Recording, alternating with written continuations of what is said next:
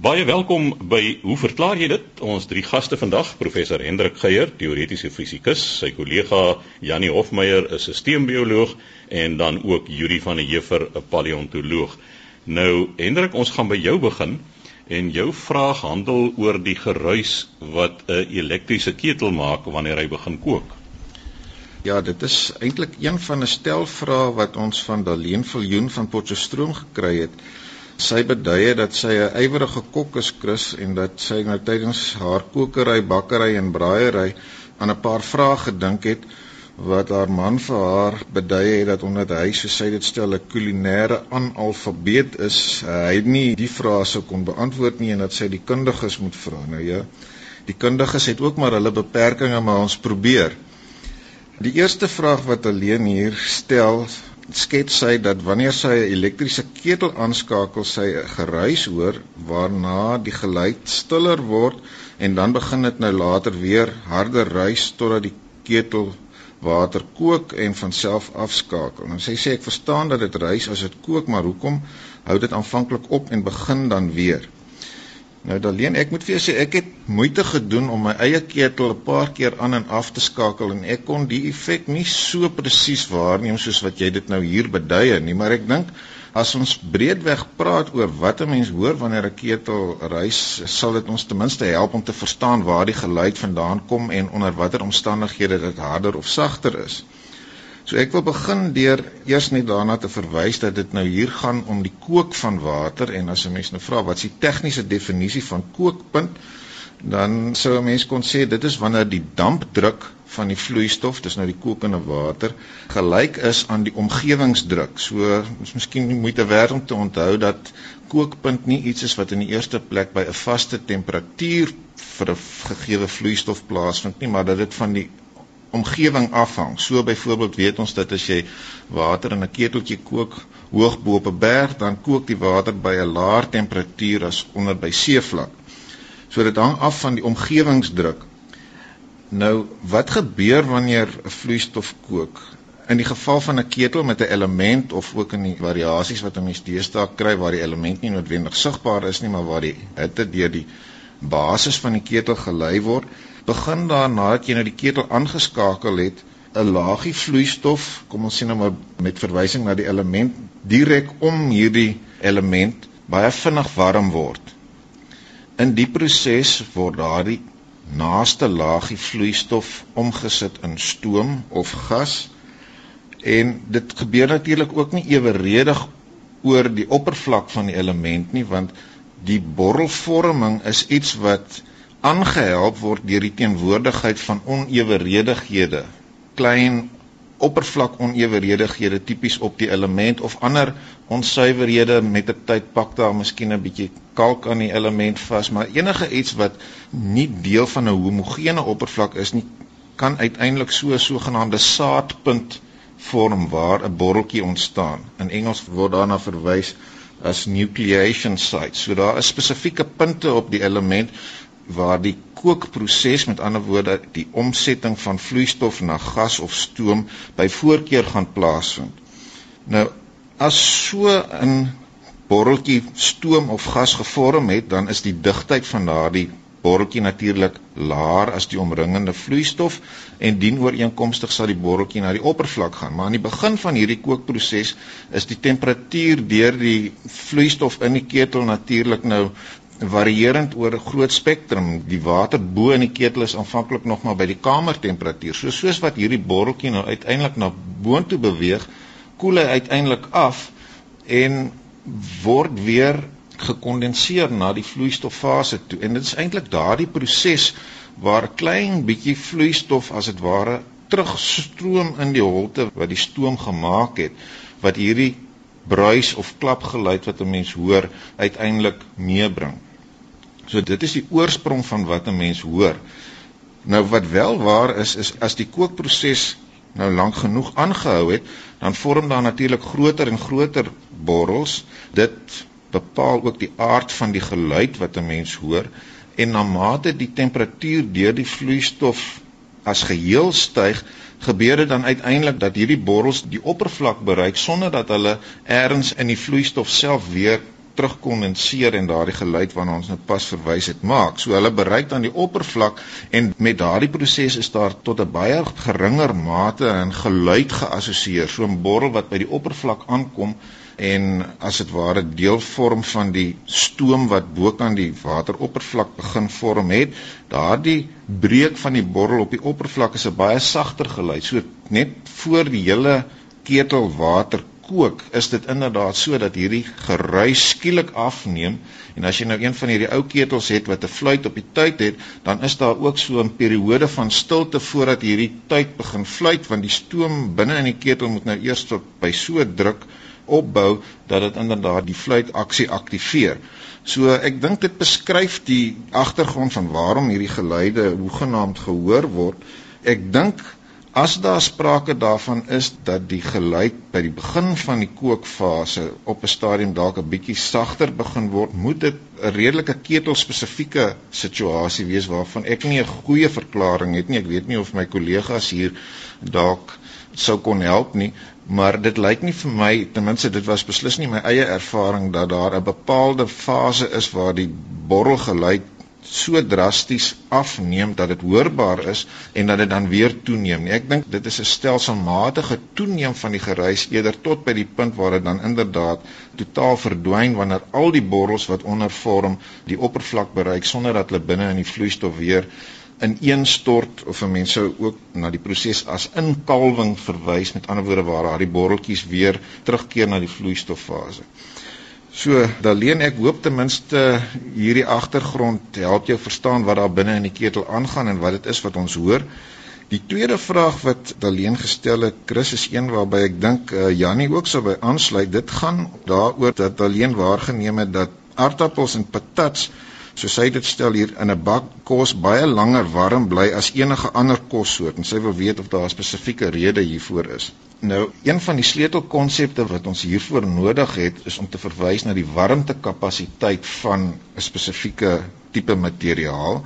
Dit wil sê die hoeveelheid warmte wat nodig is om tot daardie materiaal by te voeg om dit sê maar tipies met 1 graad Celsius in temperatuur te laat styg en Daardie eienskap is baie spesifiek materiaal verwant. So verskillende materiale wanneer jy hulle dieselfde hoeveelheid warmte toevoeg, se temperature sal op verskillende maniere toeneem onder daardie omstandighede. En wat 'n nuttige vergelykbare hoeveelheid is om vir hierdie soort analise te gebruik is om na die spesifieke warmte te verwys waarmee 'n mens dan die grootte van dit wat jy besig is om te verwarm nie in aanmerking neem nie deur na die hoeveelheid warmte per massa eenheid of as ons nou wil per kilogram te verwys wat nodig is om 'n spesifieke materiaal of stof se temperatuur met 'n graad Celsius te laat styg. Nou voor Janie oor aardappels begin praat, is dit miskien tog interessant om net daarna te verwys dat water eintlik 'n uitsonderlik hoë warmtekapasiteit het en dit het uiteraard 'n hele klomp implikasies. Ek dink ook in terme van weerpatrone as 'n mens daaraan dink dat die temperatuur van die oseane relatief tot die omliggende land baie stadiger varieer wanneer son daarop skyn. Ek is seker dat ons kollegas in die geografie en wat oor weerpatrone en sulke goed praat al hierdie aspek moes beskryf het. Maar dit is so dat water wanneer jy warmte daartoe toevoeg, se temperatuurskommeling of verandering eintlik baie stadig of klein is. En ek gaan net vinnig na die rede verwys en dan sal Janie verder uitbrei oor wat spesiaal aan aardappels is en hoe mense dit met ander sê maar tipies groentesoorte sou kon vergelyk in hierdie konteks. By water is dit so dat wel in enige vloeistof neem die temperatuur toe as die individuele molekules waaruit die vloeistof bestaan al hoe vinniger beweeg. Dis 'n maatstaf van die temperatuur. By water word 'n hele klomp van die energie wat deur warmte toevoeging verskaf word aan die vloeistof, dit wil sê water, eers gebruik om die bindings tussen die watermolekules as dit ware 'n bietjie losser te maak. Dit is waarna verwys word as waterstofbinding. So 'n klomp energie is eers nodig om as dit ware die individuele molekules in staat te stel om vinniger te begin beweeg na mate warmte toegevoeg word. En dit is waarom water so hierdie interessante eienskap het dat dit relatief traag is om in temperatuur toe te neem wanneer jy warmte daartoe toevoeg vergeleke sê maar tipies met 'n metaalvoorwerp soos 'n skottel of 'n pan waarin jy die water warm maak. So as jy in 'n pan water op die stoof warm maak, dan sal jy agterkom dat die pan se temperatuur al drasties toegeneem het terwyl jy nog jou vinger in die water sou kon druk sonder ernstige gevolge, maar ek dink nie mense met hierdie eksperiment te veel of, te ernstig probeer herhaal in die kombuis nie die, die die gevolge kan dalk ernstig wees maar water en waterinhoud in ander materiale soos groente is 'n bepalende faktor in die mate waartoe hulle temperatuur toeneem wanneer jy warmte toevoeg en ek dink Jannie kan nou maar die aardappel storie verder vertel En so gesels professor Hendrik Geier, teoretiese fisikus. Nou Hendrik, ek wil daarom net vanaf jou sê 'n neef van my het jare gelede 'n uh, klompie kapokhoendertjies in die hande gekry en toe hulle hulle eerste eiers lê, toe besluit hy maar hy gaan self daardie eiers bak ook. En toe druk hy sy voorvinger in die pan om te voel of die olie al warm genoeg is. jy nou sê mens moenie jou vinger in die warm water druk nie. Maar net hierna gaan ons voort met hoe verklaar jy dit en dan gesels professor Janie Hofmeyer oor die rede waarom aardappels en patat langer warm bly as ander kossoorte.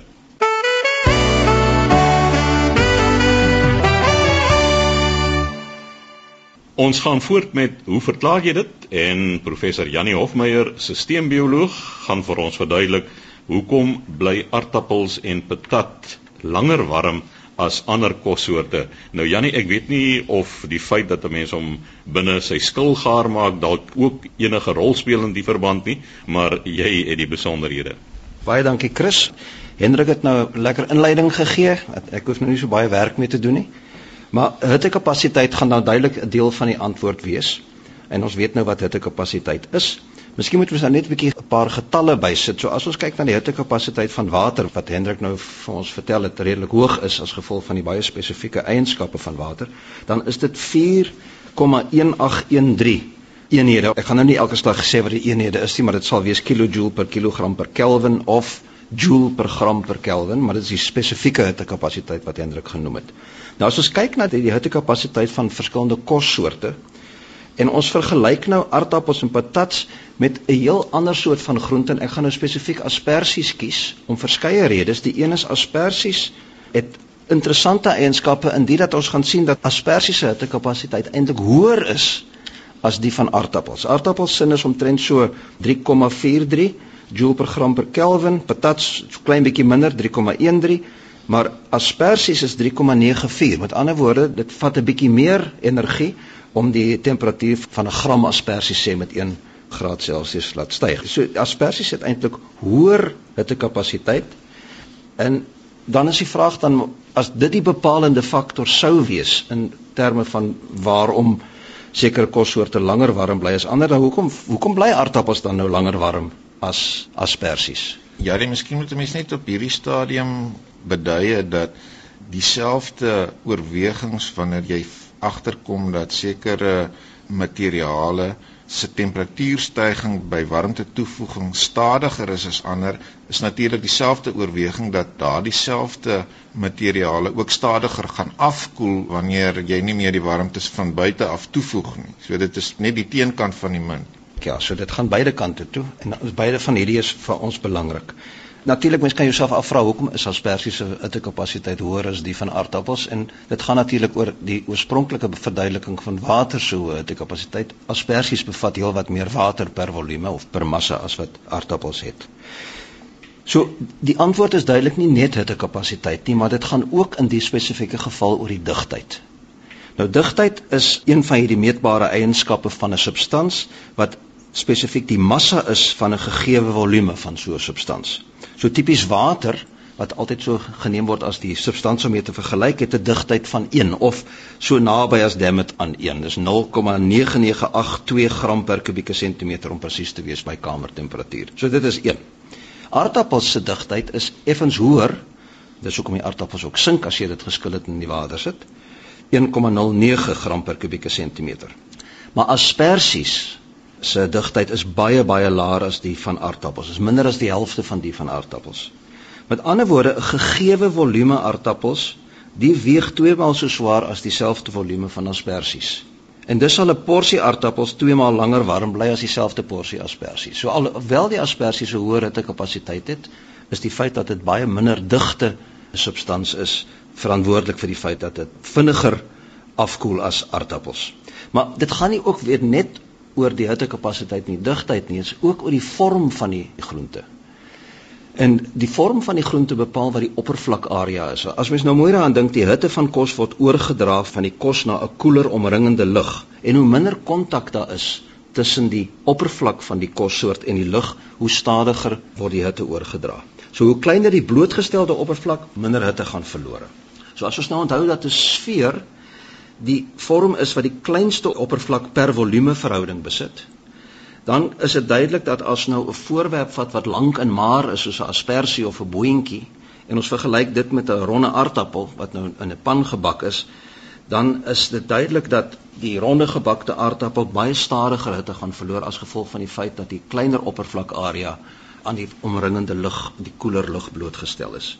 So dit is 'n hele reeks van faktore wat eintlik veroorsaak dat gebakte groente soos aardappels en patats langer warm bly as ander. Chris om net aan te sluit by hoe Jannie nou gepraat het oor die relatiewe buiteoppervlak vir 'n gegeewe volume, 'n maklike manier om daaraan te dink is as jy 'n uh, klont speelklei het en vir jouself die vraag afvra in watter vorm, want onthou as jy so 'n klont het dan is dit iets met 'n vaste volume. In watter vorm moet jy die ding nou rol of vervorm om die kleinste buiteoppervlak te hê? Dan is die antwoord jy moet hom in 'n balletjie rol. En as jy vra in watter vorm moet jy hom kry om so groot as moontlike buiteoppervlak te hê, dan is die antwoord eintlik jy moet hom in so dun as moontlike silinder uitrol. Dit is dan presies die basis waarop 'n mens agterkom dat 'n aspersie se buiteoppervlak vir 'n gegeewe volume is baie groter as die van 'n aardappel. En soos jy aan die begin beduie het, die feit dat mens baie keer 'n aardappel binne in sy skil gaar maak, speel ook 'n rol daarin dat die tempo waarteen die aardappel warmte verloor uiteindelik nog minder is as byvoorbeeld vir 'n geskilde aardappel. Dankie Hendrik en dan miskien net nog een vraagie van Daleen wat ek nie eintlik weet wat die antwoord is nie, maar ek kan raai wat dit dalk kan wees. Sy sê ek bak graag vetkoek en het opgemerk dat vir 'n bepaalde resep die vetkoek omdraai in die warm olie en met die bruin geworde kant na bo dryf. Dit is vir haar nou 'n teken dat die vetkoek halfpad gaar is maar sy vra wat laat die vetkoek omdraai. Nou ek gaan net vir Yuri vra om uit sy verlede uit want hy's blykbaar 'n groot ou oliebolbakker van faam uit sy jeug uit. Vra of hy ook hierdie waarneming gemaak het. Maar as dit so is, dan al wat ek kan dink is dat die gedeelte wat nou onder in die olie is, wat nou bruin word, dat daar dalk lugborreltjies vasgevang word in die kors wat vorm en dit word nou onderwarm, dit forceer dalk ook lug uit die vetkoek uit binne in die kors in en dat met ander woorde as daar nou lugborreltjies is, dan is dit minder dig as die boonste oppervlak van die vetkoek en veroorsaak dan as dit genoegsaam opgedam het die lug daar dat die vetkoek omdraai. Ja, dis interessant Jannie, jy het nou my verlede bietjie ontbloot want uh, ek het in 'n bakkery groot geword. So ek was nooit eintlik 'n oliebol bakker nie, meer 'n oliebol eter. En ek moet sê ek het met verwondering gestaar na die groot pot met die baie olie in En die oliebolle dink ek was soos ek onthou eintlik baie groter as 'n vetkoek. Dit was 'n redelike groot ronde stuk deeg. En ek het nooit opgemerk dat hulle van self omgedraai het nie. Maar dit mag bloot te wyte wees dat dit miskien meer deeg is en swaarder gewees het. Judy om te dink dat ek altyd onder die indruk was jy is eintlik baie beter met die bak van kluitjies. Eh, Janie, ek dink 'n tweede effek wat 'n rol hier speel is eenvoudig dat as jy dink aan die drywende klont deeg waarvan die onderkant vinniger gaar word, dan daai gaar wordende deeg sit natuurlik uit relatief tot die wat bo dryf. So die digtheid, jy weet, net die gaar word proses of die rysproses bring mee dat die digtheid aanvanklik onder mettertyd kleiner raak as die aan die bokant en by een of ander omdraaipunt en dit het natuurlik met die vorm van die oliebol te maak sal daardie omslag plaasvind sodat die digter deel dan weer onderdryf. So alleen daar het jy nou gesien hoe al die fisiese eienskappe van digtheid en hittekapasiteit en al die dinge bydra tot die dinge wat ons in die kombuis waarneem. Weereens kom ons terug na die kombuis toe soos wat ons so baie in vorige programme gedoen het as 'n bron van verwondering. Nou ja, so sê professor Janie Hofmeyer, ons sisteembioloog. Volgende aan die beurt, Yuri van der Heever, ons paleontoloog. En Yuri, jou vraag handel oor steengroewe en fossiele. Ja, ek wil net eers graag 'n uh, kort kommentaar lewer op 'n reaksie wat ons uit 'n vorige program gekry het waar ons gepraat het oor papegaaie, hoe hulle praat, hoekom hulle praat en hoekom papegaaie en dikwels jong kinders so maklik vloekwoorde aanleer. En die rede daarvoor is omdat vloekwoorde kort en kragtige sê goed is, dis sogenaamde ploffers. En wanneer 'n mens dan in 'n oomblik van woede of angs ingedompel word, dan help sulke woorde nogal om jou uh, spanning of pyn te verlig. En ek het toe om te toon hoe dat uitdrukkings wat nie ploffers is nie wat lank uitgereik is nie dieselfde effek het nie en toe ek onder andere 'n voorbeeld genoem deur te sê as jy nou jou duim raak gekap het met 'n hamer dan gaan dit nie eintlik help om so iets te sê soos die uh, Wes-Kaapse Landbouvereniging en Gesel en Klub nie en die program was pas uitgesaai toe kry ek 'n oproep van 'n meneer Geldenhuys wat uh, sê dat hy is 'n amptenaar of 'n verteenwoordiger van een of ander landbouvereniging en hy neem nou eksepsie oor wat ek gesê het. En ek is toe heeltemal bereid om verskoning aan te teken. Toe kom ek agter dis eintlik 'n foefie want die man wat gebel het is toe inderdaad ook die Geldenhuys van die plaas Maatjiesrivier daar by Ceres waar ons elke jaar op ons fossieltoer stop met die studente. En uh hy het toe eintlik dit maar baie tong in die kies bedoel. Maar in elk geval, indien daar ander mense is wat geafronteer is deur hierdie uitdrukking, dan uh, vra ek om verskoning. Ekskuus tog Juri, gaan jy nou voortaan net sê gesellin klub as jy jou duim raak slaan? Chris, moet nou nie karring 'n storie wat hopelik nou afgehandel is nie. Die eintlike stukkie wat ek oor wil praat is die kwessie van steengroewe en fossiele Ek was onlangs in gesprek met uh meneer Paul Botma van Pretoria en hy is 'n omgewingsdeskundige en hy werk ook vir 'n firma wat te doen het met ingenieursplekke of ingenieursondernemings wat uh, paaie verbreed en dikwels dan grond en klip nodig het om hierdie paaie te maak en dan word daar gedelf in verskillende aardlae om nou die nodige gruis te kry en so ontstaan daar oral in die omgewing ontstaan daar dan hierdie steengroewe Nou deesdae is meeste mense in Suid-Afrika baie bewus daarvan dat ons nie eintlik die omgewing moet skade aandoen met hierdie onooglike uitgrawings nie. Verder is daar dan altyd die moontlikheid dat as dit in 'n fossieldraande laag is, dan kan daar wetenskaplik belangrike fossiele beskadig word en dit is eintlik wat die navraag van meneer Paul Botha oorgewees het. En ehm um, Ek sou graag net daarop 'n bietjie kommentaar wil lewer want 'n mens dink altyd dat plekke soos byvoorbeeld die uh, myn wat destyds aan die Weskus daar naby Langebaan gewees het waar ons nou vandag die fossielpark het, geweldig skade aan die omgewing gedoen het. En uh, ons het nou gepraat van ook die Geldmuis by die uh, plaas Maatjiesrivier. Net so 'n entjie van sy plaas af in die Boeswaar moet pas is daar vir jare 'n steengroef gewees waar uh, fossieldraande materiaal uitgehaal is om die grondpaaie van te maak en net so aan die ander kant van die van die kom waar in Ceres lê teen Geidopas uit was daar hierdie groot gruisgate. Die ding is dat mense hier moet die wetenskaplik belangrike aspekte en die nut van paaie en die nodigheid om paaie te maak moet mense teen mekaar opweeg en ek wil graag een voorbeeld gebruik om te sê dat hierdie gruisgate is nie altyd net plekke waar goed vernietig word nie. Want as 'n mens nou mooi daaroor dink, paleontoloë en geoloë wat op soek is na fossiele wat in sekere lae voorkom, het eintlik nie die infrastruktuur of die geld, die masjinerie om na 'n spesifieke plek toe te gaan en dan 'n geweldige hoeveelheid rotslae te verwyder om uiteindelik nou by 'n fossieldraande laag uit te kom nie. Nou die fosfaatmyn aan die Weskus, by die Weskus Fossielpark is 'n baie goeie voorbeeld want al die duisende amper miljoene tonne grond wat bokant daai laag gelê het, is deur die mynmasjinerie verwyder. Paleontoloë kon nie dit doen nie. En op die manier as jy mens so daaraan dink, dan is grysgate en groewe en uh, industriële verwerking van hierdie sedimente eintlik 'n bonuspunt vir paleontoloë en geoloë wat van hierdie ongediertes nou in die laag soek. En een van die bekendste voorbeelde wat ons in die laaste paar jaar gehad het, was die van Dr. Hannes Stron. Hy bly hier op Stellenbosch nou afgetree. Hy was eers by die geologiese opname gewees en 'n kollega van hom in die naam van Dick Aldrich van die Universiteit van Leicester. Hulle het 'n ongelooflike fossiel beskryf wat omtrent 420 miljoen jaar oud is en dit is na alle waarskynlikheid die voorvader van die kaaklose visse wat ons vandag nou nog het en 'n baie belangrike deel van die hele verhaal van werveldier evolusie. En hulle het in die Cederberge het hulle hierdie fossiele ontdek deurdat hulle toevallig by 'n steengroef gestop het wat nog in werking was. Daar's nog gruis en klip is uitgehaal, maar die gevolg is die oppervlak waar die fossiel in voorgekom het was vars. Dis nie verweer gewees nie.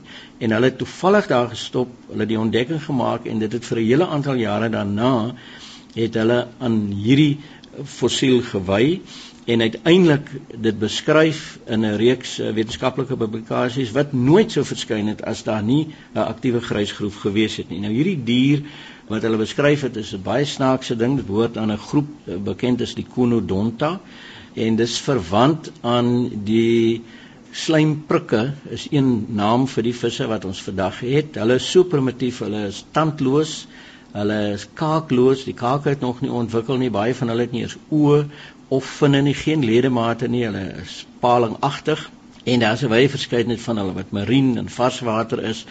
En uh, ons het een van hulle hier in Valsbaai, die snaakse naam Eptatretus. En diegene van u wat nou al vis gevang het en wie se aas redelik lank daar op die seebodem gelê het, kon al van hierdie visse, oervisse gevang het omdat die een wat ons hier in Valsbaai het, is 'n aasvreter. Hulle het geen verdedigingsmeganisme nie anderser as 'n reuse klomp slijmkliere wat aan albei kante van die liggaam afloop. Hulle lyk 'n bietjie soos palings Maar palings is natuurlik beenvisse met kake en oë en al die goed. En dan as 'n mens nou een van hulle gehaak het en jy het hom uitgetrek, dan is sy enigste reaksie, angsreaksie wat hy toon is om geweldige hoeveelheid slijm af te skei. En as jy hom nou uit die water uitgetrek het en hy hang nou half geknoop aan jou lyn, dan is dit een groot bolling slijm wat daar hang. Dit lyk amper soos 'n erge verkoue. En dit is dan ook die rede hoekom die gewone naam vir hierdie goed is of snotvis of snotpaling. En as dit nou nie was dat daar 'n aktiewe gruisgroef in die Cederberge gewees het waar Hannes Tron en sy vriend toevallig by gestop het nie sou hulle nooit hierdie baie baie vroeë voorvader in die hele evolusionêre lyn van wêrelddiere ontdek het nie. So ek dink 'n mens moet wanneer jy deur die omgewing ry en jy sien die grysgroewe want ons het baie van hulle moet 'n mens nie altyd net negatief wees daaroor nie want hulle kan van wetenskaplike belang ook wees. Nou ja, so gesels Dr. Judy van der Heever, ons paleontoloog. Ons tyd ongelukkig verstreke. Skryf gerus aan hoe verklaar jy dit? Posbus 2551 Kaapstad 8000 of rig 'n e-pos aan chris@rsg.co.za www.co.za